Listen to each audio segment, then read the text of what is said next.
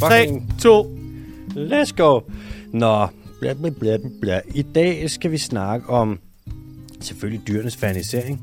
Så skal vi snakke om t-shirts for øh, shit for nu. Du var da godt nok, øh, hvad siger man? Det er jo ikke Pandoras æske, det er, hvad hedder det, når man åbner noget, hvor det bare vælter ud, mand? Åbnede Søndfloden. Du har, ja, du har åbnet søndfloden. det skal vi lige ind på. Øhm, og så kommer der først en, så kommer der en fræk en. Det første punkt, den første nyhed, der har jeg har kombineret en, øh, et lytterspørgsmål med en nyhed. Så spørgsmålet øh, bliver besvaret i en ny. Kæft, kommer- det er et remix. Ja, men altså. Og øhm, så kører vi videre over og snakker om dyr, der drømmer. For ja. det finder man mere og mere ud af. Altså alt fra æderkopper til det ene og det andet. Eller, så skal vi videre. Og i dag, det kommer til at være en rigtig, en rigtig dyre omgang. Det er næsten kun dyr det hele. Fedt. Øh, så skal vi snakke om bier, altså brumba, nogle brumbasser, som leger. De leger simpelthen, og man sådan, det havde vi godt nok ikke troet, men det gør de. Så skal vi snakke om vildsvin, The Wild Swine, som laver ballade i Italien. Og så skal vi snakke om rottedræbere i Paradis, hurtige nyheder, El Quizo del Signor Bondo. Ikke noget COP27? Nej, Skal vi lige se, hvad der kommer ud af det først? det er bare sådan en greenwashing-konference. Vi tager den på den anden side. Ja, tak.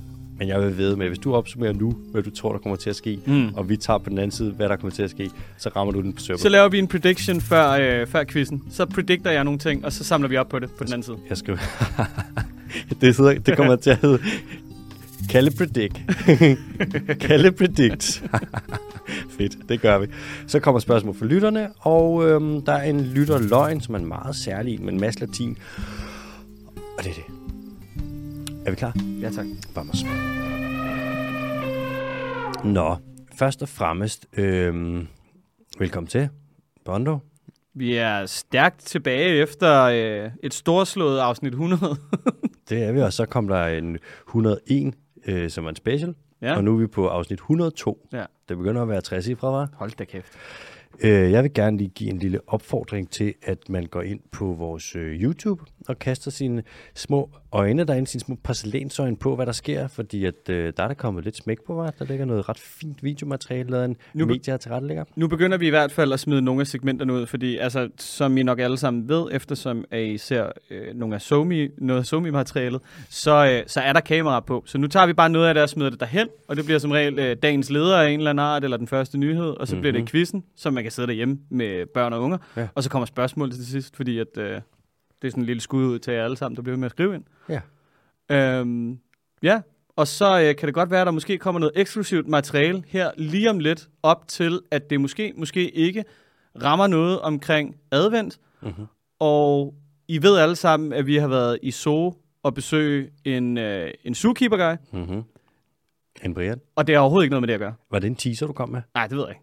Du er... Jeg føler, du teasede. Ja, Jeg kunne ja. mærke, at jeg fik lidt guldgysning. Jeg tror, der var en Mm, teaser. Forspillets mester herovre.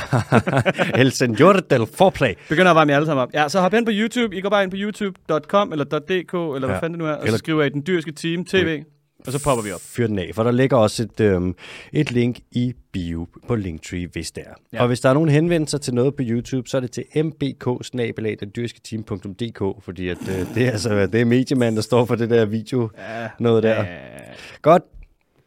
Øhm, på torsdag, ja. den 24. kl. Mm. 16, Mm. på Pebling Dosering Social, der er der dyrenes fanisering. Ja.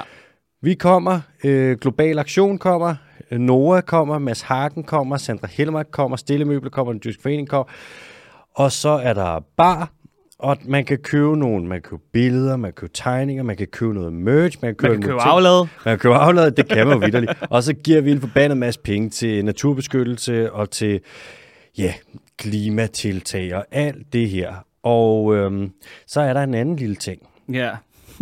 For Senor Bondo, du gav jo også nogle t-shirts. ja. Jeg, jeg, kom sgu, jeg kom sgu til at... Uh, kom sgu til at starte en, en mindre lavine, som jeg ikke lige havde regnet med. En god lavin. Ja. Og øh, der er rigtig, rigtig mange, der gerne vil have øh, t-shirt merch her fra den dyrske team. Mm. Og vi er vil jo- rigtig gerne levere en t-shirt merch. Ja, men vi er også... Mathias Bondo, Kim. Ja. Du er en naturtalibaner, Ja, det ved jeg godt. og det er jeg også. Ja. Og vi, øh, der er mm, for mange t-shirts i verden allerede. Ja. Vi vil ikke lave flere. Nej. Så vi har tænkt, okay, hvordan gør vi det her? Bla, bla, bla. Hvordan gør vi det så grønt og heldigt, man overhovedet kan? Ja. og så har vi ringet til Landbrug og Fødevare, mm. og så sagde vi til dem, hvorfor svarer jeg aldrig på vores beskeder? Og så bagefter det, så tænkte vi mere Så i over det med stedet for kartoffeltryk, så sendte de bare et svinetryk Ja, tilbage. Så vi har lavet frisk med kotelet og blort. øhm, så det vi gør, det er, at vi har fået en gut, der hedder Niklas, som har en, en broderingsmaskine Mm. Til at vil øh, brodere for os. Ja. Så man kan komme ind den 24. til dyrenes fernisering, der er link i bio, levere en t-shirt eller det stykke tøj, man gerne vil have broderet logo og noget naturtalebaner på, Mm. og give os nogle penge. Så giver vi nogle penge til Niklas, siger, gør det her, og så Altså, sender vi ja. bagefter, når t-shirten eller whatever, der er blevet broderet på dem med noget logo og noget naturtaliban, så sender vi det til jer. Ja, sender vi? Sender, eller ellers må vi arrangere noget Ja. aflevering. eller Det, det kan godt være, at der kommer en opsamlingsdag, øh, hvad det hedder, på det samme sted, som vi, vi afholder fanisering. Det må vi lige finde ud af på bagkant. Ja. Og ellers så. Vi får i hvert fald, I skal nok få jeres t-shirts tilbage. Jeg kan i hvert fald fortælle, hvorfor at øh, hvad det hedder, forsendelse godt kan være lidt problematisk. Kom med det. Det koster øh, for det første 50 kroner per forsendelse. Mm-hmm. Hvis I ikke samler det op, hvilket I selvfølgelig gør, men hvis I ikke gør, så skal vi betale for at få sendt det tilbage. Mm. Det er nogenlunde samme pris. Så problematikken bliver lidt, at det overskud, der er, hvis vi får sendt den tilbage en gang, så forsvinder det pure, mm. og så kan der ikke blive doneret nogen penge til øh, de der velgørenhedsorganisationer, øh, Ja. som vi kommer til at øh, donere nogle af pengene til.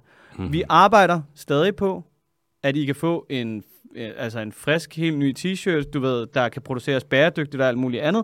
Det skal bare vise sig, at sådan noget med forsyningskæder og altså netop at købe aflad, som vi snakkede om tidligere, det er lidt svært at navigere i. Så vi skal lige have fundet en løsning på, hvordan vi kan gøre det bare sådan så bæredygtigt som overhovedet muligt. Fordi lige nu, hvis vi gjorde det bare med en, en helt frisk t-shirt, så vil, vil vi ikke rigtig kunne stå inden for det, i hvert fald. Det er det. Så kom med jeres egen t-shirt. Hvis I køber en ny, så er det jeres eget valg. Mm-hmm. I må også godt komme med en gammel t-shirt. I kan komme med dem i alle farver. Vi kan sågar måske endda få det ved ikke, broderet det på nogle bukser eller et eller andet. Det kan vi. Vi kan brodere på, altså måske ikke en dunjak, men sådan Ja, de fleste ting, så bare kom med det stykke tøj, der er, så skal vi nok få smidt et, et logo på. ja. Det kommer til at koste, Kommer til at koste 300 kroner. ja. Og vi donerer altså al overskud til, øh, hvad der har velgørenhed. Så, Det gør vi. øh, Så fyr den af. Og så koster forbi. det 100 kroner for broderet, og sytråden er økologisk. Er super økologisk. Ude det mærket. Og alle jer, der har skrevet jer op til 10 år, og stadig skriver jeg op, øh, fandme tak, det sætter vi virkelig, virkelig pris på. Det er fedt at lave det her.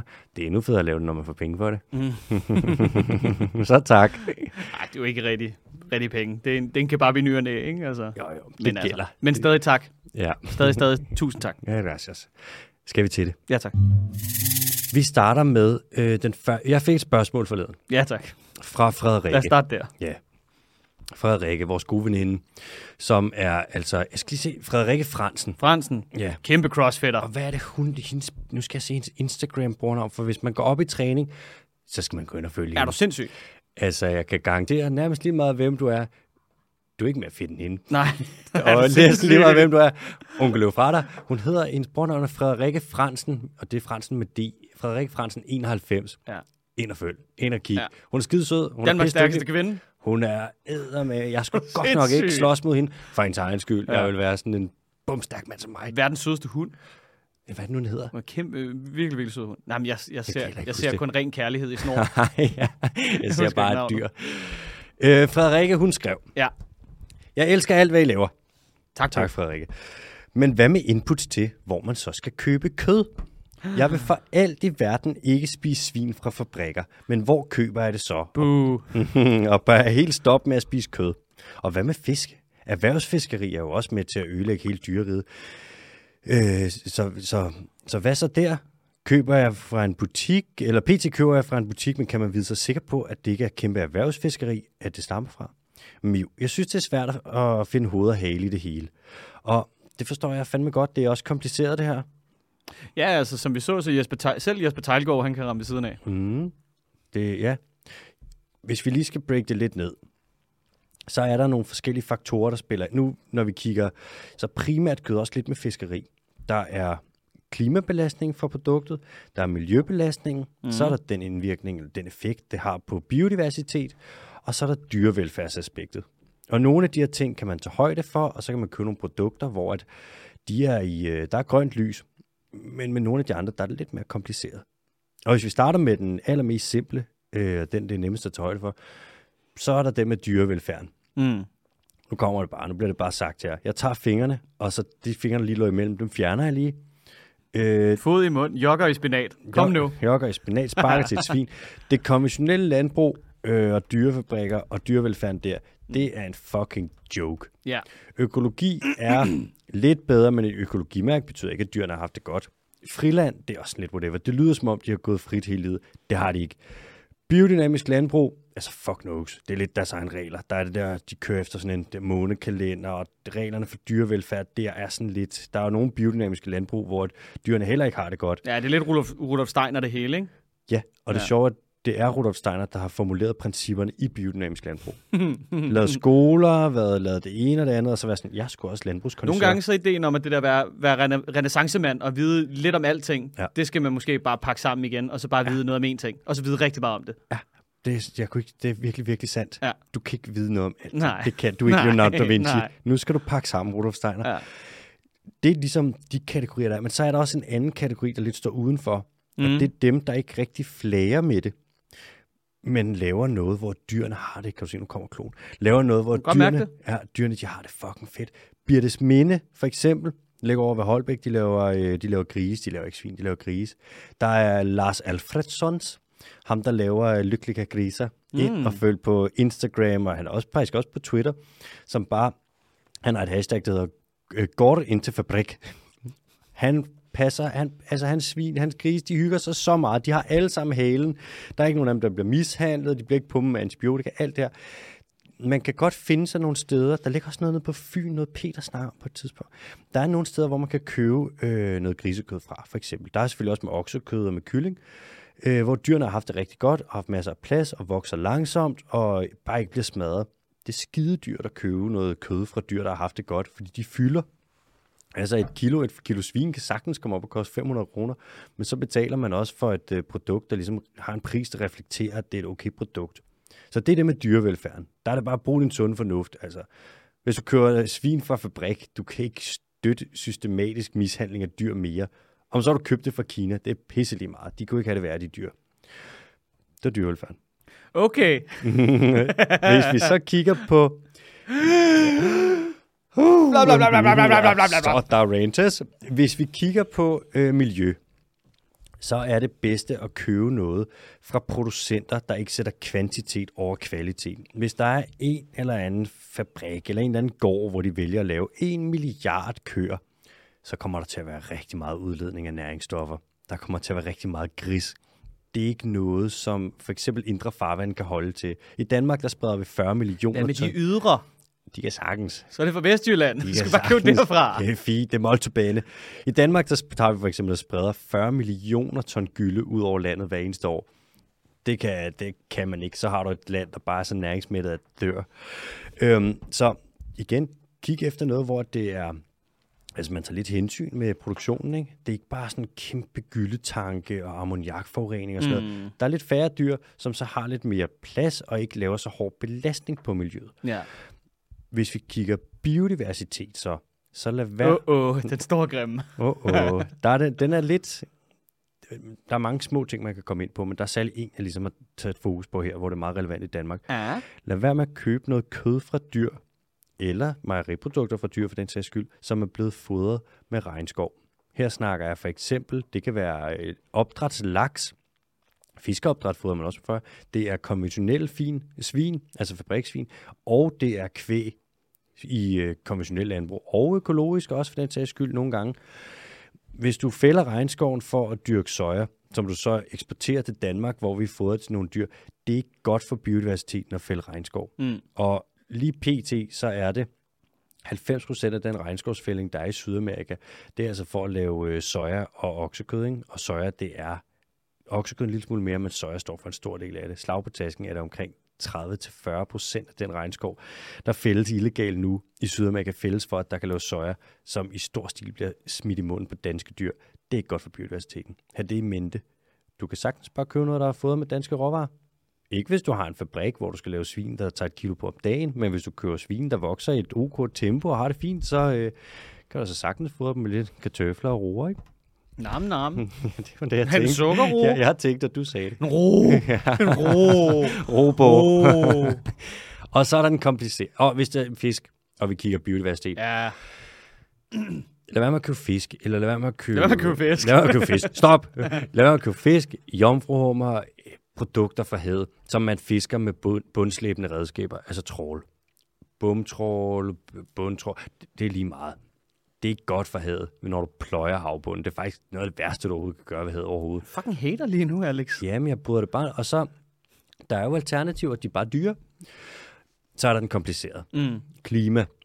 For, okay, hvis vi lige kigger på kød, så oksekød, det er muligvis det mest, øh, klimabela- det mest klimabelastende fødevare, du overhovedet kan øh, putte i bunden. Ja. Der er klimabelastningen for oksekød er altså katastrofal Ja. høj. Lam, Det er den, der gør det bedst. Det må man godt nok sige. Lam er nummer to. Mm. Både lam og øhm, køer, eller får køer, de, øh, de er ruminants, hvad fanden, det er ruminanter.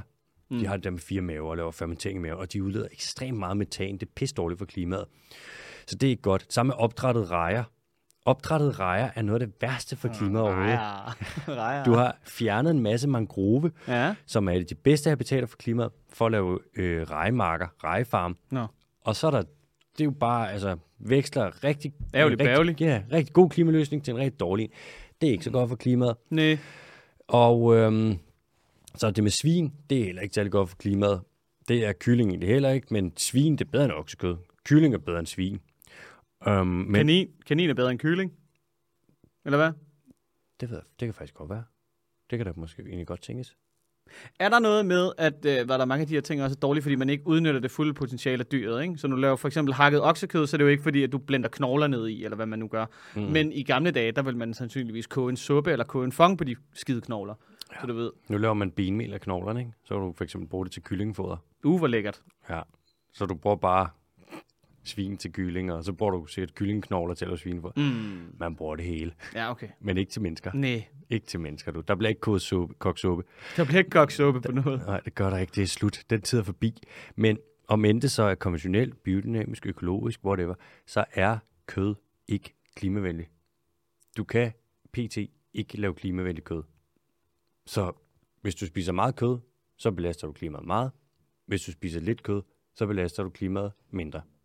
Og den er ikke, den er ikke længere end det. Lige den der, der er det...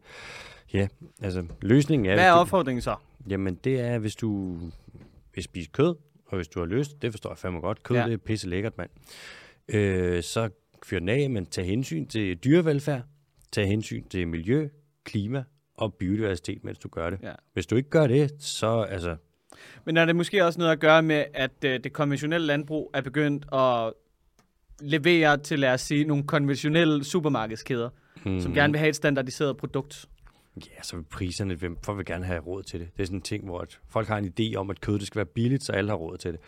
Men ikke også noget med, især i Danmark, der, er der, der hvis man kigger på fødevare mm. og inventar og design, Mm. så har det flippet i et størrelsesforhold en til en. Hvad betyder det? Jamen, det betyder, at i gamle dage, der brugte man sådan noget 60% af ens Nå, indkomst Ja, på, øh, hvad det hedder, øh, hvad der hedder, på Mad. mad. ja.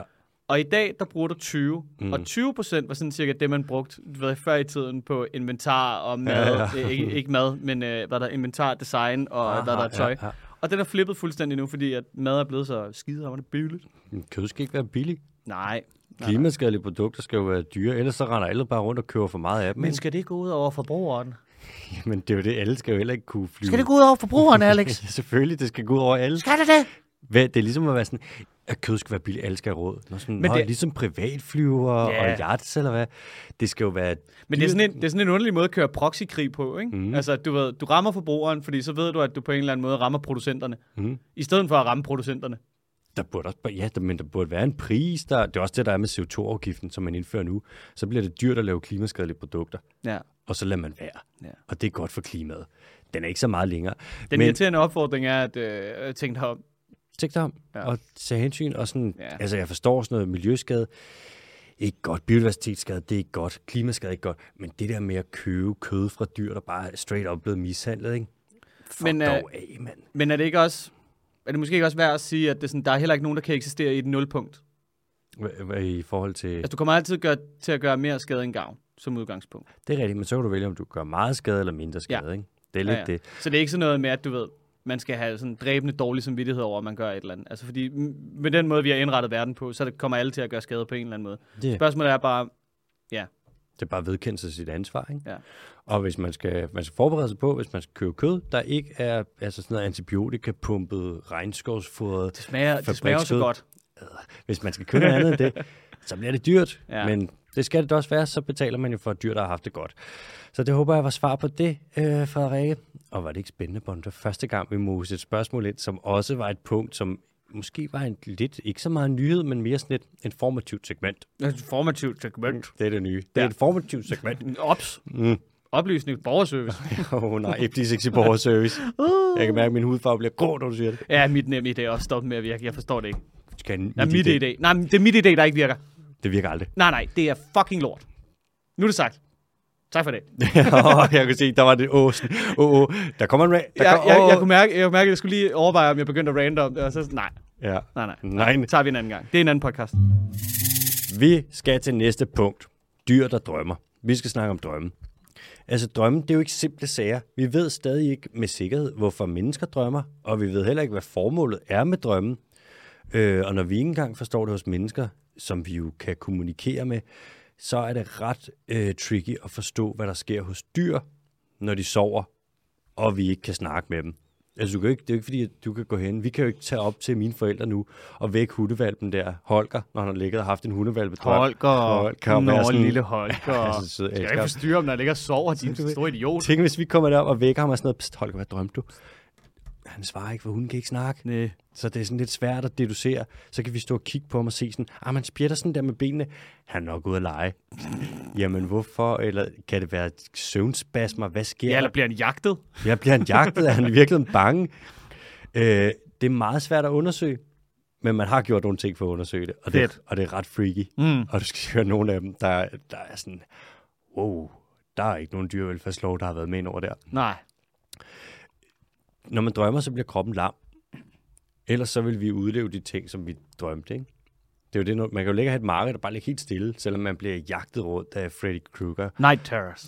Men du kan også have det der, hvor du øh, drømmer, men du har åbne øjne, men din krop er stadig lam. Det kan jeg ikke huske, hvad det hedder. Det skulle være helt forfærdeligt. Jeg tror, det hedder night terrors. Gør det? Ja. Søvndysplasmi eller sådan et eller andet. ja. Jeg har haft det to gange. Var det ikke nøjeren? Det er forfærdeligt. Hvad skete der? Men fordi man, man prøver bare at tvinge sig selv til at vågne op. Og så man prøver at bevæge kroppen. Ja. Og man har det altid som om, der er en eller anden i lokalet. Uh. Det er fucked up. Enten, altså, enten er det, er, har jeg været vågen, eller også har det bare været en meget, meget levende drøm. Men det føles som om, når, jeg, når kroppen begynder at fungere igen, når jeg har været vågen. Men man kan ikke bevæge sig, vel? Nej. Men det er jo også fordi, det, det, det er så også den måde, man registrerer remsøvn på og sådan noget. Ikke? Mm. Det er for eksempel, hvis du har de der monitors på armene, mm. sådan så du kan se, hvad der foregår med din søvn, mm. så i alle tre øh, NREM-stadier, der vil du bevæge dig en lille smule. Mm. Men når du træder ind i REM-stadiet, så øh, hvad der lammer hele kroppen sig selv. Så lægger du stille. Ja. Og så kajter øjnene rundt. Ja, ja. Det er noget... Det er, REM står for Rapid Eye Movement. Og rapid eye movement. Kaninøjebevægelse. Ja. Øhm, der er en del af hjernen, der hedder ponsen, som ligger over der, hvor hjernen bliver forbundet med ryggraden. Pilatus? Pontius Pilatus. og øh, den lømmel, der kom efter Jesus, der er aldrig tilgivet for. Nej, jeg heller ikke. Ponsen har sådan en funktion med, at den gør noget med at lamme kroppen der, når man sover og drømmer. Øh, men hvad så, hvis man fjerner noget af ponsen? Det kan du ikke gøre hos mennesker, for der er nogen, der bliver rigtig sure, hvis du laver, gør sådan Så noget. irriterende. Men man Lad os nu bare prøve. man har gjort det hos katte Ja. en gang, jeg tror det var i 60'erne, så lavede man et forsøg. Uh, der var alting til at. Jeg lover dig. Man har taget nogle katte. Det var også dengang med syre og ketamin og, og det hvide hele snit, og Ja, ja. helt Kæft, man blad. sig. Det kan jeg love dig, du. Det var, I verden var et stort rave. Katte. Mm.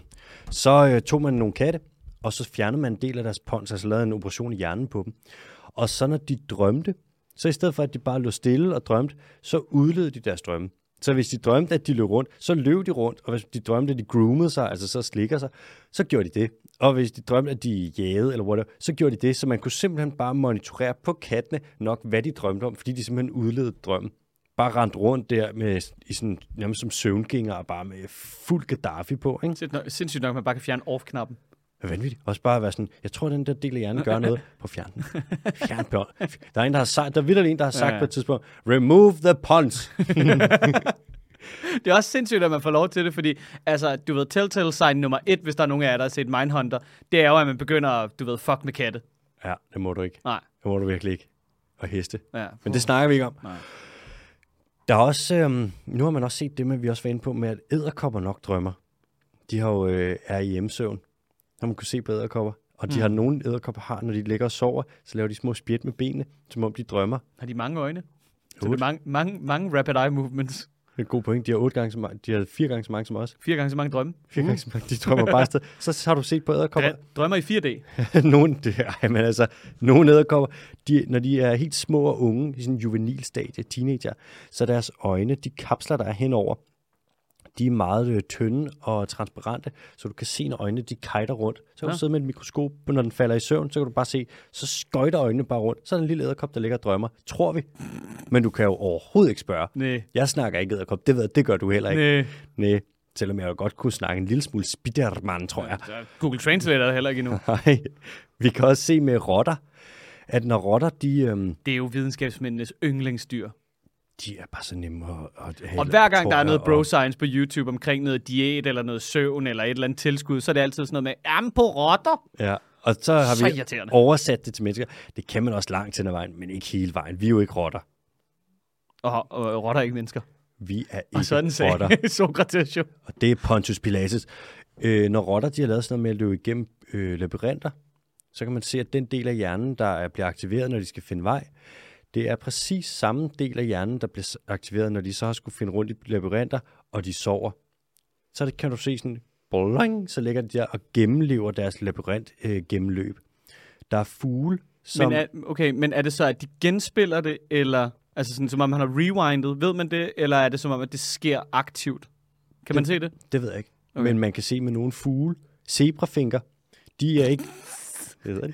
Sådan nogle små fine nogen. En lille finke. Det er bare fordi finke, det, altså, det kan man også kalde andre typer dyr. En fink. En finke. Hej fink. Øh, zebrafinker, de kan ikke bare synge sange, når de ligesom klikkes fra ikke. De skal lære det. Og så kan man se, når de synger, så de toner, de synger, det kan du måle meget specifikt ind i deres hjerne, præcis hvor at det er den tone, den ligesom, hvad for en del af hjernen det er, der aktiverer lige præcis den. Nogle gange, når du siger sådan noget, ikke? Mm. så øh, har jeg det som om, at der bare er nogen, der sidder et eller andet sted og lyver rigtig meget. Det kunne godt være, det kunne være sjovt, ikke? Velkommen til den dyriske løgn livteam. Jamen altså, du ved, altså, og så kan man måle, hvilken, om det er en e-mol eller et eller andet. ikke? Shit, Det er, van, det er Hvad sker der? Det er vanvittigt. Hold op. Hvad er det for? De kan se, at hvis en fugl, en zebrafinke, som man har studeret her, når de så har en eller anden sang, som de synger, når de så sover, så kan man se på hjernen, at de samme centre i hjernen, som går den sang igennem, de bliver aktiveret i samme rækkefølge, så de ligger på en eller anden måde og bearbejder den sang, som de ligesom har lært bare i søvnen. Det er, der er nogle fisk, nu var det zebrafinger, der er også zebrafisk, der er et eller andet med det der zebra-ting. Og der er nogle fisk, der også er i hjemmesøvn, som det tyder lidt på, at hvis man har en hjerne, hvilket de fleste dyr de har, så øh, tager man de ting, der sker om dagen, mens man er vågen, Mm. og så gennemgår du dem, når du ligger. Du bearbejder dem på en eller anden måde. Du ældrer, når du så ligger og sover. Jeg bearbejder ikke noget. Du slukker du bare? Ja, ja. Søjk! Nej, jeg gør. Jeg, jeg gider heller ikke snakke om følelser eller noget. Så. Hvornår, har du, hvornår har du sidst drømt? Jeg tror, jeg drømte i nat. 2008? Hvad? Kan du huske, hvad du drømte? Nej, jeg drømte i nat. Hvad drømte du? Jeg drømte, at øh, hvad det hedder, jeg havde fået øh, nogle nye magnesiumpiller, som skulle stoppe mig for at få krampe i benene. Virkede det? Det kan jeg ikke huske. Hvad er den kedeligste drøm, du nogensinde har haft? Det tror jeg, at måske var den, jeg havde i nat. Men det er også lidt spændende, for du, du ved ikke, om pillerne virkede. Nej. Men de var jo heller ikke rigtige, så det er jo lige meget, om de virkede eller ej. Det er sådan lidt uh, the red pill og the blue pill. Du er sådan, Ja. no, I'll just take some magnesium pills. Det er fordi, jeg begynder at løbe igen, og så nu begynder jeg at få krampe i benene hele tiden. Fordi jeg ikke gider at strække ud eller varme op eller noget. Varm lidt op. Ja, tak. Jeg drømte engang, at lynåsen på min uh, taske var gået i stykker. Ja, det er fandme en kedelig drøm. Jeg drømte også engang, at jeg var ude at gå, der da søerne var ved at tørre ind, den der super varme sommer i Ja. ja. 18. Og så drømte jeg, at jeg var nede, trådte jeg ned i noget af det der ved siden af søen der, Mm. og så fik jeg lidt mudder på nogle nye sko. Nå. Og så kiggede jeg ned på mudder, og så i drømmen, der var jeg sådan, Ej, og så vågnede jeg. Ja, det er jo lige før, at din drømme er lige så spændende som dit virkelige liv, når du er på rejse. Altså, min drømme er om muligt næsten Det er bare alle kedelig. Portugal-historierne kogt ned i forskellige scenarier. Hvorfor er du den eneste, der ikke kan lide Portugal-historien? Alle hader den. Der er fire, der har skrevet ind og sagt, at de godt kunne lide den. Ud af hvor mange lytter, Alex. din matematik. Vi hopper videre til næste nyhed. Fucking Bondo. Jeg kan ikke få lov til at have min historie. Nej. Nå. Vi skal snakke om brumbasser. Broombass! I 2017, der lavede man et forsøg, hvor man fik nogle brumbasser til at øh, få nogle små øh, træbolde ind i nogle mål. Og så fik de, når de fik dem ind i målene, så fik de en belønning. Man lærte nogle brumbasser at spille bold, fodbold. Nej, det gjorde du ikke. Det gjorde du. Du lærte mig at spille Quidditch. Du lærte nogle brumbasser at spille Quidditch. Man lærte dem simpelthen at score mål med nogle små bolde. Og det i sig selv er ret sjovt, at man kan lære øh, forholdsvis, tror vi, simple organismer det. Altså brumbasser, ikke, de har ikke en stor hjerne. Men mens de så var på banen, nogle af de her brumbasser, og skulle sparke de her bolde ind i målene, ved du, hvad der så skete med dem, der var ude på sidelinjen? Blev de misundelige? De legede med boldene derude. Nå, De kajtede rundt, rullede rundt med boldene, fuldstændig formålsløst, og man kiggede, først var man bare sådan, Nå, de ser da meget sjovt ud, og så gik det op for forskerne, sådan, det der tjener ikke nogen funktion. Det er ikke noget, der, øh, de fik ikke noget ud af det. De fik ikke større chancer for at få sex, de fik ikke mad af det, de mindskede ikke chancen for at blive jaget rovdyr, og det lod bare til at være noget, de gjorde sådan for sjov. bare noget fjol. Ja, fordi de godt kunne lide det. Mm. Og det har du et ord for, det er det, du kalder leg. Ja, Det er defineret på den måde, og så er der lidt også med mere på definitionen. Ikke? Men, okay. men det er sådan, at det, skal vi, det er adfærdsbiologi. Det lyder spændende, men det er ret kedeligt. Adfærdsbiologi er da mega spændende. Det er det, det, er det jeg siger. Det er, sådan, det, det er ret spændende, men det er også rigtig kedeligt. Nå. Når du skal studere, når du laver adfærdsbiologi, så skal du sidde og holde øje med nogle dyr i så lang tid, at det er til at brække sig over. Nå, det er jo måske ikke kedeligt at sidde og observere, men altså, det er da ret spændende, hvad man kan få ud af det. Det er rigtigt, når du kondenserer det, men indsamle empiri, så er det sådan, ej, skal vi sidde og kigge på aber? Fuck, hvor nice. Sådan, yep, du Aber. skal, du skal kigge på den der æderkop-abe, og notere dig hver gang, den piller sig i røven, og du skal gøre det i 200 timer. En Værsgo. edderkobabe. En æderkobabe. æderkobaber. Men øh, bier leger, og det lader til også, at øh, de unge bier, eller de unge brumbasser, De kører på scooter. de køber scooter til amfetamin. De unge brumbasser, det er dem, der leger mest. Og det er en ting, som vi også kan se hos for eksempel pattedyr. Og det lader lidt til, apropos det med drømmen, det er, hvor du tager ting, du lærer om dagen, og, eller når du er vågen og bearbejder det, mens du sover, lader det til, Mm. så lader det måske lidt til, at leg, eller sådan noget leg som det her, og hvis det er de unge, der gør det mest, det er noget, det er sådan en måde at øve sig i at være i verden på. Øve adfærd. Øve adfærd. Øve adfærd. Og øve adfærd. Øve adfærd. Wakanda. Øve adfærd. Det Øve adfærd forever. det lyder lidt som sådan, det er ligesom når man ser øh, sådan en flok ulveunger, eller kattekilling eller sådan noget, der leger og slås for sjov, hvor de øver sig, og de øver sig på at jage. Det er jo lidt ligesom med mennesker også. Så øver vi os på at være voksne mennesker, når vi er børn, og vi er rigtig gode til det. Og vi fortsætter med det. Det er, øh, det kan godt være, at det skulle være sådan en semi-definition på leg. Det er sådan noget at øve sig på at være seriøs. Det har jeg aldrig tænkt over. Værsgo. Cool. Giv mig lige en halv time. Det er dem, Jeg skal lige tænke den her igennem. Lytteren kan ikke se det nu, men Bolle han har vendt det videre øjnene. Han sidder, han ser nu, jeg kan høre, Jeg ham fjerne sammen. Det kortslutter ind i hovedet på mig. Det lyder som Mm. popcorn. Blup, blup. Vi skal til næste. Vi skal til Italien. Okay, Italy. Ja. Lago de Como? Er det øh, den der sø der? Ja. Nej, Garda, Lago de Garda. Lago de Como Bueno. Et eller andet. Italien er på mange måder lidt ligesom Florida, bare værre. Fattigere Så rent skidt. kulturelt, gastronomisk fattigere. Hvis du tænker på at tage til øh, Italien her til vinter, tage til Alperne eller et eller andet, lad være at tage til Florida. Vi får ikke nogen penge for at sige det. Det er, også, det er også fordi Italien er nogle fucking 20 knæk. Så kommer de med spaghetti, og så er man sådan, det har I stjålet fra Kina. Det er nudler, det der. Det er det. Så tager de også noget, øh, blander mel og vand, og så laver de sådan en øh, sådan våd dej og moser den ud, i stedet for bare at lave bøger af melet. At lave bøgerboller, ja. ligesom i Florida. Ja. Italien tager på mange måder, så synes jeg, at de laver sådan, det skulle rip over for Florida. Det er lidt ligesom en grå t-shirt, bortset fra, at den grå t-shirt var engang hvid. Og det er Florida. Det er Florida. Kridhvid. Englehvid. Kridhvid. Englehvid. Som deres meth og Ja. coke og Hvad sagde du der? ikke noget. Ja, sikkert nok. Tag til Florida. Tag til Florida, du kommer ikke til at fortryde. Det tog, vi du, ikke tog du fået en penge for- Italien-historie med, kun for at snakke om Florida? Nej, vi skal snakke om vildsvin i Italien. Ah, okay, cool. Laver de ravage, ligesom de gør syd for grænsen i Danmark? Det gør de faktisk. Skal de til, at- skal de til at have et hegn? Det tror jeg ikke, de kommer til, fordi de har noget, nu der hedder, hegn! de har noget, der hedder standarder og værdier og respekt for naturen. Men Køb et hegn. køb hegnet. Øh, der er begyndt at komme ret mange vildsvin i Italien der. Så mange, så de begynder at lave lidt øh, problemer. Man skal også passe på dem, ikke? Jo. Nogle rasende sataner. Er de lidt nede sydpå, bliver de ikke helt så store som op nordpå, men de kan godt, sådan en stor ovne der, kan komme op på en 150 kilo. Orne. Ja, En den- orne. Den fucker dig op. Kommer den ind med sine stødtænder, ind imellem benene på dig, så rusker den rundt, skal lige pulsåren over, og så æder den der. Prøv at forestille dig sådan en hund der, der lige kommer i nærheden af sådan et stort svin. De bliver nakket. Ja, ja, fuldstændig. Det sjove er, i, man har noget statistik på i Sverige og Norge, hvor, øhm, Op i Norge. ja, hvordan de dør, hvad der dræber flest hunde. Mm. Og man siger sådan, ja, det er vildsvinene, der dræber dem. Og det er rigtigt i et tilfælde, når du laver jagt. Hvis Okay, hundene ja. kommer ud, og der er et vildt vildsvin, og de angriber dem, eller ja, kommer efter dem, så er vildsvinene der, så nakker de dem. Og ja, ja. de kan jo blive kæmpe, altså nogle steder i, Nord, i, i Nordamerika, de kan komme op på flere hundrede kilo. Ja. Det er nogle ordentlige Store bæster. basser. Ja, det er det virkelig. Det er nogle store svin. Øhm, men nu i Italien, der er der altså, de er jo opportunister, sådan nogle vildsvin.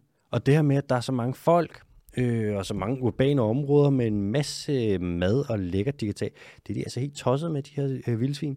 Så der er et område i Italien nu, hvor de har en million svin. Og de begynder at fange dem ind og skyde dem, og de har noget, der hedder pig breaks. Sådan særligt Okay, ja, ja. sådan ting, du kan sætte op til at fange vildsvin, og så skyde dem op. De gør alt muligt for at ligesom Nå, slippe af nice. med dem. Jamen, så er det bare countdown til, at vi får udryddet vild, vildsvinet i Italien, kan jeg da godt mærke. Jeg tror, det vel- de for svære ved det, men de kan bare ringe et Skyde dem sted hen. stykker. De kan ringe et sted hen. Ring til Dinamarca, og så skal I bare se. Er du sindssyg, mand. Hvis man ikke vil have særlig mange vildsvin, hvad det er så godt at have? Hegn. Ulve. Hegn. Rigtig mange ulve. Nej, et hegn. Ja, selvfølgelig hegnet, Flere hegn. men ulve. Det er vildsvinenes primære, øhm, rov, eller det primære rovdyr, der tager vildsvin i Europa. Der er ikke særlig mange ulve. Okay, ul, altså hvis der, er flere, hvis der er flere vildsvin, kan de så ikke begynde at fuck med sådan en ulv der? Hvis de lige rotter sig sammen? Men ulve, de, de er i kobbel. Jeg kom lige til at tænke på, kan jeg vide, om det kunne være sjovt at snakke om en dag, øh, sådan nogle øh, altså dyriske metaforer. Altså rotte sig sammen. Har det noget at gøre med rotter? Mm. Hvem ved? Det kunne da egentlig godt være. Det, kunne, det ved jeg faktisk ikke, hvor det kommer fra. Fri Eller- som en fugl. Alle de der ting. Katten i sækken, perler Mm. mm. for svin, der er der Mm. mm. meget forskelligt. Papagøjen i sækken. Ej, det er der ikke noget, der hedder. Uler i mosen. Det, Owls in the mouse. det er da godt, at vi lige må have et lille segment med det på et tidspunkt. Break det ned. Tilbage Øhm, til det. Tilbage til det. Man prøver nu at styre det med de vildsvin her, men man har altså ikke sat den fuld on ind med bare at sige, at vi laver en Danmark og hegn og udryddelse, men det kan stadig godt lave lidt ravage, sådan nogle vildsvin der. Jeg synes jo, det er fint. Hvis du kommer hen steder, hvor der er vildsvin, så må du også forvente, at vildsvinene gør deres vildsvin-ting.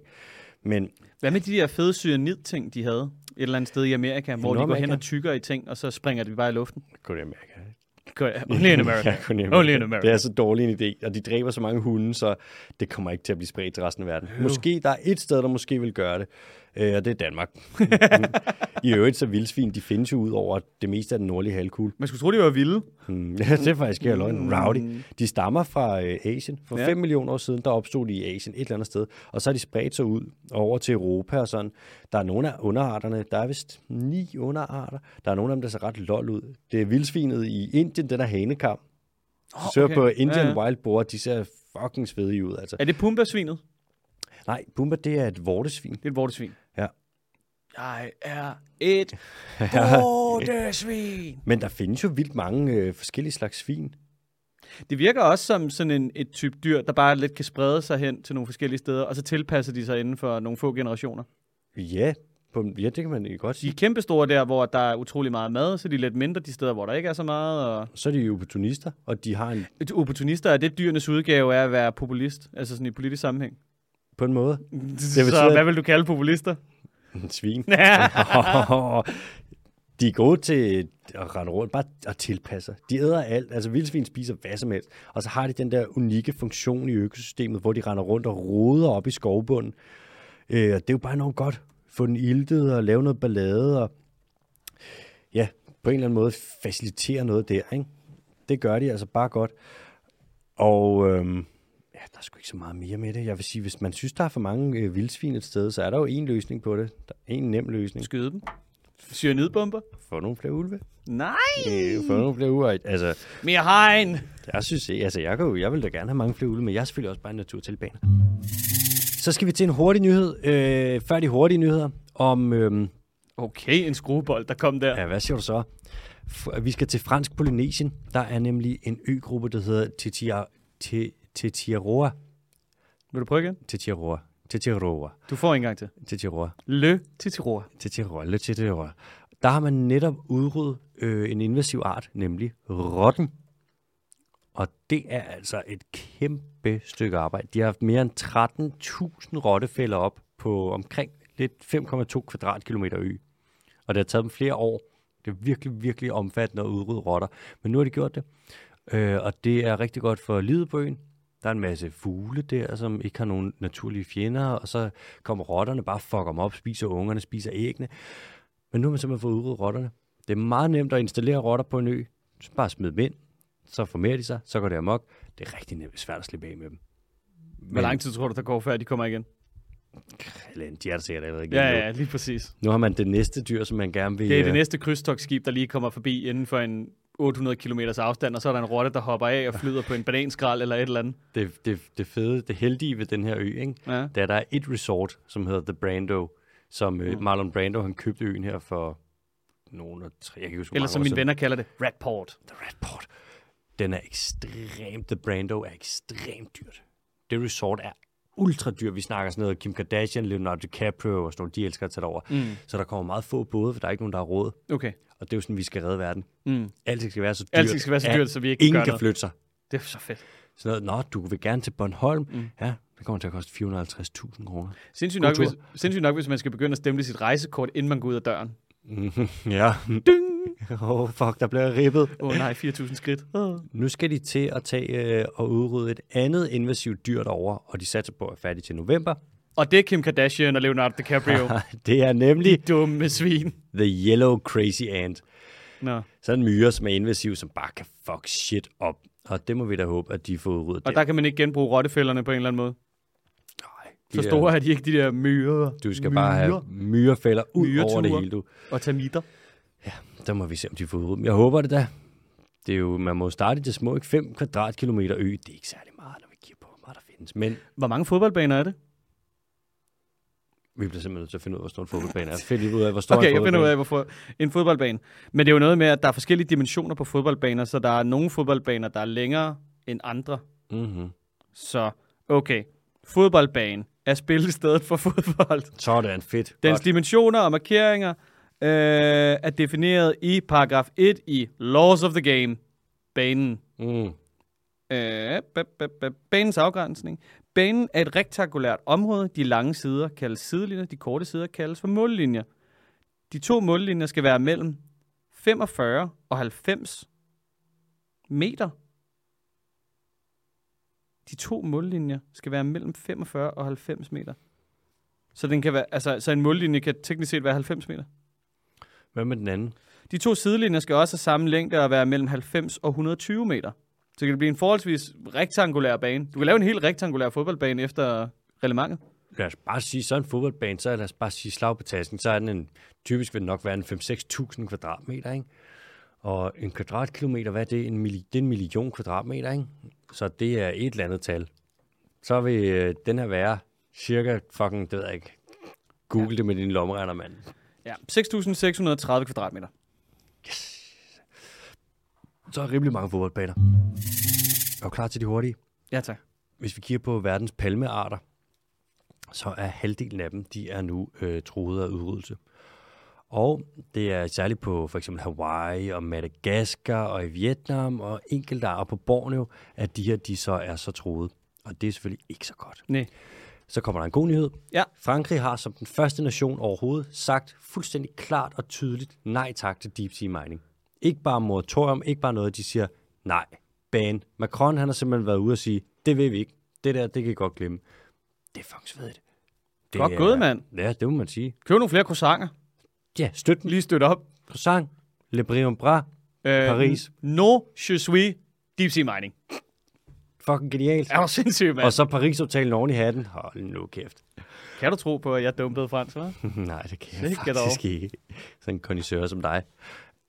Øh, og så USA, de siger, at de gerne vil være grønne, Mm. øh, men der er nogle eksperter ude at sige, at hvis de gerne vil være grønne, så skal de tage afstand fra de produkter, som man rydder regnskov for at lave for at eksportere til USA. Og der er det entydige svar fra det hvide hus. Boo! Ja, hold nu op, hold nu op Hold med det der. Shh, nu stopper I. Det er så pisseuheldigt, at alle de fede ting, Ja. de kommer fra regnskoven. Og det er rigtig meget oksekød og soja fra regnskov, som USA er meget glad for Og hvad at er hovedingrediensen i en hamburger? Det er ikke ham. Det er Det er det oksekød. nemlig ikke. Det er oksekød, og det må gerne være brasiliansk. Og med de ord, der vil jeg gerne øh, give ordet videre til dig, Bondo, til Kalle Predicts. Kalle Predicts. Og vi skal have en, en spot om nu Ja, på COP27. okay. COP27. Ja. Øh, der kommer til at blive indgået op imod fire banebrydende aftaler. Fire banebrydende aftaler. Fire ja, tak. banebrydende aftaler. Øhm, en af dem kommer til at handle om en øh, øh, redu- reduktion af produktionsdyr. Der kommer til at være en, redu- øh, en øh, ikke en reduktion, men en øh, hvad det hedder, en sænket øh, øh, hvad der er, træfældningsrate.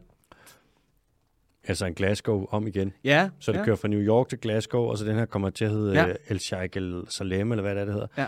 Okay, ja. Så tror jeg, der kommer til at være internationale forpligtelser i forhold til at kompensere øh, lande med meget regnskov. Aha. Øhm, og den sidste, det er en joker. Men noget, der kommer til at være fælles for alle de her fire aftaler, det er, at det er bindende aftaler, bortset fra, at der ikke er nogen binding. Er det en frivillig aftale? Det er en frivillig aftale. Godt, det er Ja. også de bedste. Det er, nej, det er en bindende, men det er en bind, man får lov til at skrive under på den. Bindende aftale uden binding. Ja, lige præcis. Ikke? Så er det sådan noget med, har I lyst til at gøre det her? Ja, så sæt din underskrift her. Behøver jeg at gøre det? Nej. Nu har jeg de her fire punkter. Øh, opsummerende spørgsmål. Ja. Kommer COP27 til at rykke en masse på øh, klimadagsordenen? Det kan man sige på en omvendt dag. Øh, så kommer det virkelig til at være øh, noget, der rykker ved det hele. Rigtig Dan Jørgensen svar. Ja. Man kan sige, man kan sige øh, hvad der, det, det der er problemet med, hvad der hedder, kopperne, mm. det er, at øh, i virkeligheden så burde vi jo ikke have flere kopper. Fordi vi kan jo godt se, hvor det hele bærer hen. Skabet er fyldt. Og det er, ikke, det er jo ikke et statusmøde. Det er som om, at vi starter helt forfra hver gang. Det er ikke sådan noget med sådan, puha, nu fik vi reduceret med 30 procent. Hvad gør vi nu? Skal vi Nej. gå til 35 eller Præcis. 40? Man tropper bare op med Hockeystav. sådan, ja, hockeystaven, og så kommer man ind og siger, vi kunne godt tænke os nogle reduktioner på, øh, hvad der er, 50 procent nu. Mm. Og så er man sådan, okay, så har vi reduceret med 40 indtil videre, så er det sådan, nej, vi har slet ikke reduceret med noget, så hvis vi reducerer med 50 nu, så er det bedre. Vi I tænker stedet for de at være- 30 som sidste år. Mere ambitiøs og mere handlingslammet. Ja. Det er, det er klassikeren. Så lad os se, om der ikke øh, hvad der kommer noget værre pis ud af det.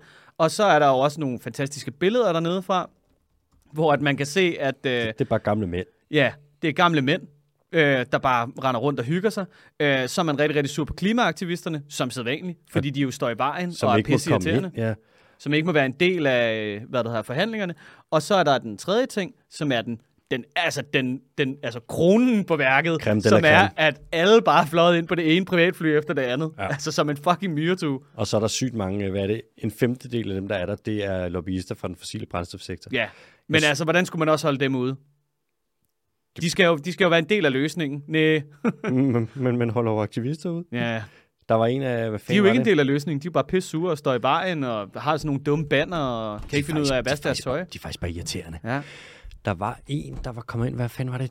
Chefen for et eller andet olieselskab, sådan noget helt Exxon eller et eller andet, Mm. som bare var, øh, han var ikke, kom ikke på vegne af olieselskabet, han var bare officiel deltager fra Mauritanien.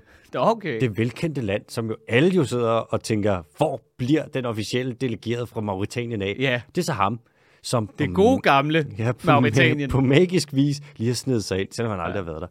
som kommer på officiel statsbesøg fra Mauritanien og ikke på brændstofsektorens vejen. Nej, Nej, nej, nej. han elsker bare Mauritanien. Skal vi... Øh, Quizze. det, kan, det kan være, at vi lige på den anden side skal have Mette Susgaard ind. Det kunne da godt være. Hun Det har jo været dernede og lige øh, gøre en lille status. Ja, Det kunne da sagtens være, at det er en god idé. Eller lige ringe til hende. Det kan være, at vi Mm. bare kan ringe til hende. Hej dig. Okay. Der kommer en quiz. Kom med. Jeg tror, den er... Jeg håber... Jeg tror virkelig, den er... Jeg tror virkelig, den er svær i dag. Åh, oh, oh. Så nu må vi se. Du har jo gjort det godt, hver gang jeg har sagt det, så øh, hvad der lad os give det et skud. Nu, øh, alle ved jo, at jeg er kæmpestor fan af Johnson. Fordi at han muligvis er den bedste danske rapper de, sidste, de seneste 30 år. Og hans Johnson rim, Baby. de er... Altså Johnson Baby. Vædder ind på klubben, mens jeg halter på mit højre ben. Ah, det er ham, der halter. Jeg leder efter min øjenstik. øjenstik. Ja. Så der kommer lige et... Øh, vi starter lige med et lille rim, Mm-hmm. øh, hvad der hedder, på sådan en meget Johnsonsk maner. Mm-hmm. Roser er røde, violer er blå. En af de to, de beskriver mine læber. Åh, lo, lo, lo, lo. Så læberne kan være røde eller blå? Ja.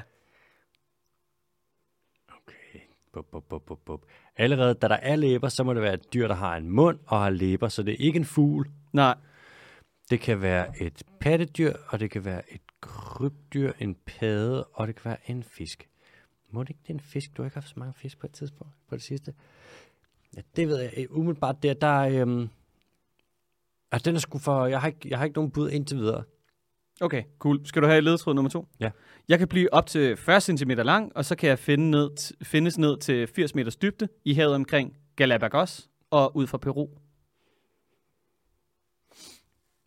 Det er ikke havleguan. Nej, Øhm, det må være en fisk, så. Det må være en... en fishing gazelle. Ej, en, en fisheren. Kan det være en øhm, sarcastic French mouth? Sarcastic French mouth? Ja. Nej, det kan det ikke. Nå. Okay. Uh, jeg spiser krabber, rejer og orme. Desuden så er jeg en super dårlig svømmer. Så kan det sgu, så kan det sgu ikke være en fisk. Eller katte. Eller kattekat. Eller kan det det? Hmm. Okay, den er lidt svær. Hvad fanden kan det være? Ned til 80 meters dybde? Ja, Men det, hvis den er røde den eller, lever faktisk ikke så dybt. nej, røde eller blå lever, kan det være et, en odder måske?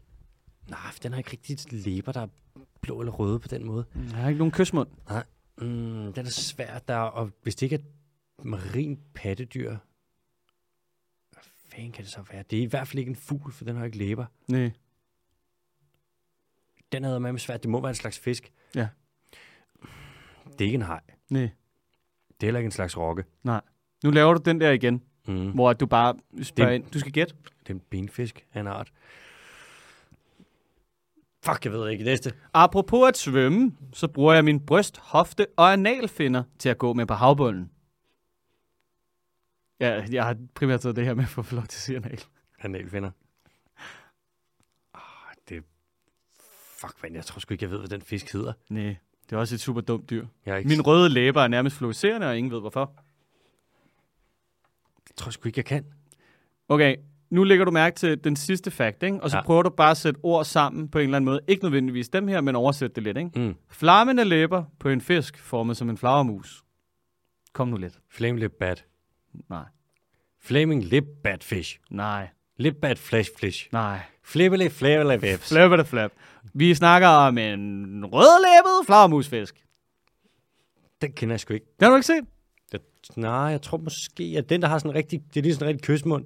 Ja, det er virkelig kysmund, og så har den sådan nogle arme, der stikker sådan lidt bagud og ligner sådan nogle actionfigurer fra 90'erne, altså stor og fed og grim. Og, ja. og så hopper, den, den lign, det ligner faktisk bare lidt, øh, hvad det hedder, en fisk mixet med en bodybuilder, mixet med en flagermus-ish.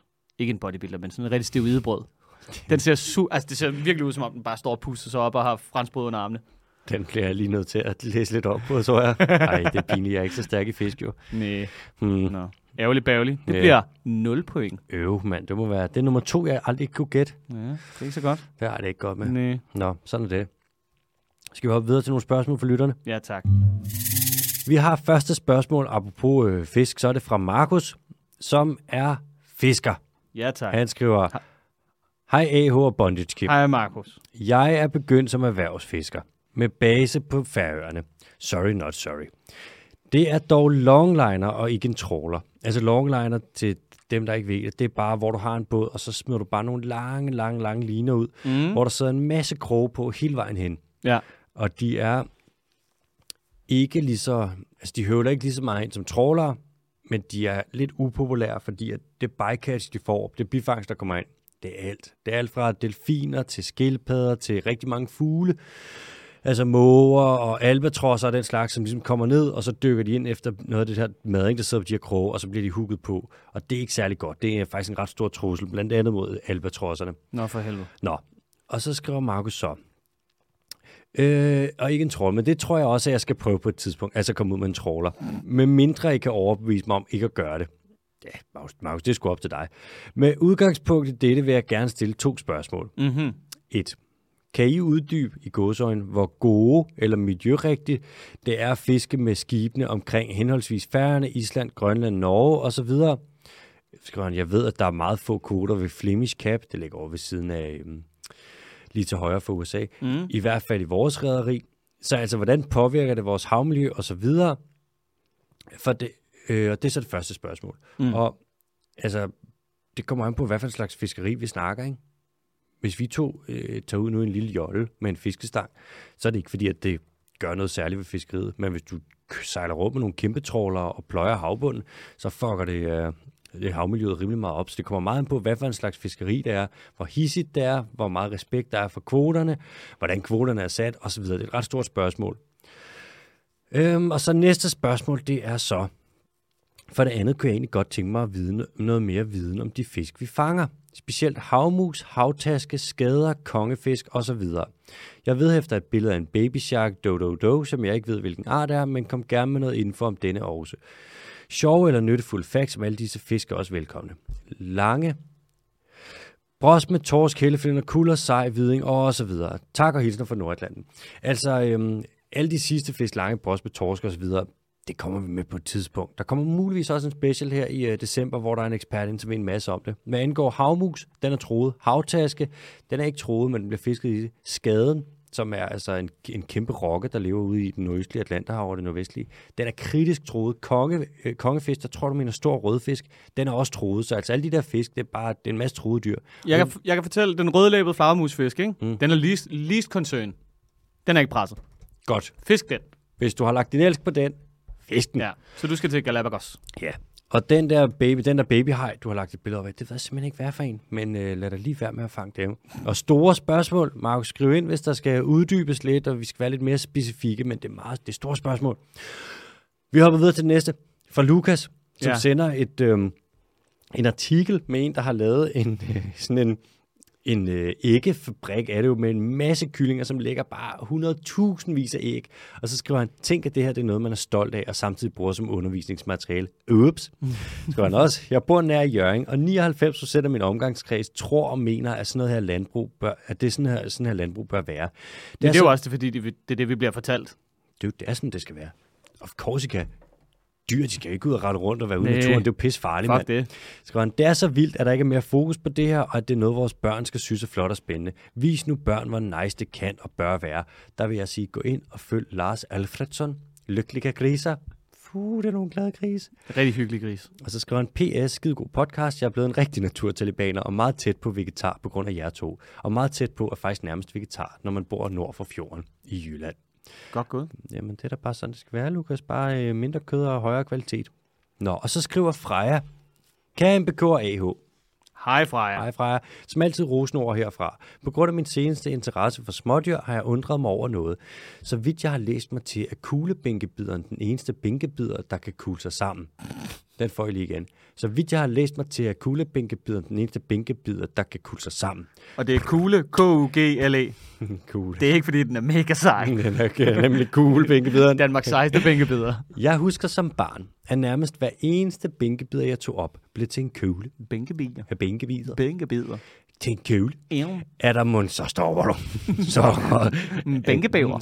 er der, er der måtte kommet et stigende antal af andre bænkebiderarter, som får kuglebænkebideren til at blive mere sjælden. Ligesom den invasive art af harlekin mariehønen, der hapser de andre hjemmehørende mariehøns. Jeg har aldrig kendt Marie Høen. eller husker jeg bare forkert, eller fuldstændig har misforstået noget. Håber, I kan svare på mit spørgsmål. De bedste hilsner fra jer. Bænke, bænkebider. Og så har hun sat par indjørninger og skriver, der er ingen bænkebider emojis, så det blev det næstbedste. Og jeg elsker indjørninger. Det gør du også. Mm. Og der findes indjørninger. Hvor de findes hen? Nordkorea. Det er Pyongyang. Det er Den sidste rigtigt. grotte med indjørning. Og vi kommer på tur, og vi finder dem.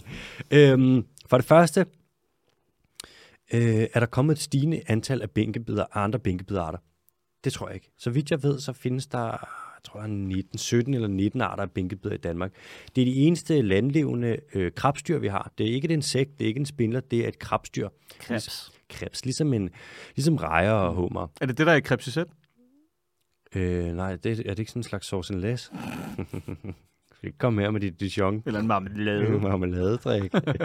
øh, og hvis der kommer, du tænker på herfra, om der så kommer andre bænkebiderarter ind, altså øh, kommer ind invasiv eller whatever, som så får kuglebænkebideren til at forsvinde. Og det øh, tror jeg ikke, men jeg ved det ikke. Jeg var inde og kigge på rødlisten, som øh, Aarhus Universitet laver, hvor man kan se, hvor troede forskellige danske dyrearter de er i Danmark. Og der er intet information om bænkebider. Ja. så det er, lidt, det er lidt svært at sige. Jeg tror måske også, det skyldes, at øh, du brugte mere tid, da du var lille, på at rende rundt og finde bænkebider, end du gør nu. og man groede mere, man løftede mere sten, og var ude og lege med børnehaven og folkeskolen og alt det der. Måske det er det, eller måske du flyttede til et sted, hvor der er færre bænkebider. Øh, artskomposition, den er en lille smule anderledes, det ved jeg ikke, men jeg har faktisk ikke kunne finde noget information om det, så sorry, jeg er dum. Hmm. Så kommer der en lytterløgn. Fra Skal vi Andreas, slutte der? Ja. Fedt. Fra Andreas, som siger, For helvede, Andreas. Du har gjort det igen. Hej MGK og AO. MGK Ja, og AO. Mm. Oh, Nå, ja. Jeg skal lige forstå rigtigt i forhold til det mytologiske Hvad dyr. hedder han? Andreas. Nå, eller an, an, Andruas. Jeg skal lige forstå rigtigt i forhold til det mytologiske dyr Meles Meles. Er det kun Meles Meles Danicus, som er mytologisk, eller er Meles Meles Meles Meles Meles Meles Meles også MVH Andreas?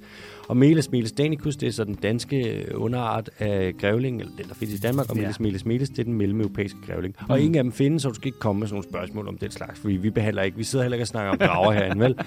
Men enhjørning. Eller af dem, den findes i Nordkorea. Uh. Så øh, tak for alle de Tak for latinske at ord. dårligt, øh, hvad Ja. det hedder. Latinske vrøvleord, for grævlingen, den findes ikke. Meles, meles. Og med de ord, der har vi ikke mere. Vi har en, en lille opsang til, at vi stadig den 24. kommer til at sidde og tage imod jeres t-shirts til øh, dyrenes fani- fanisering. Oui.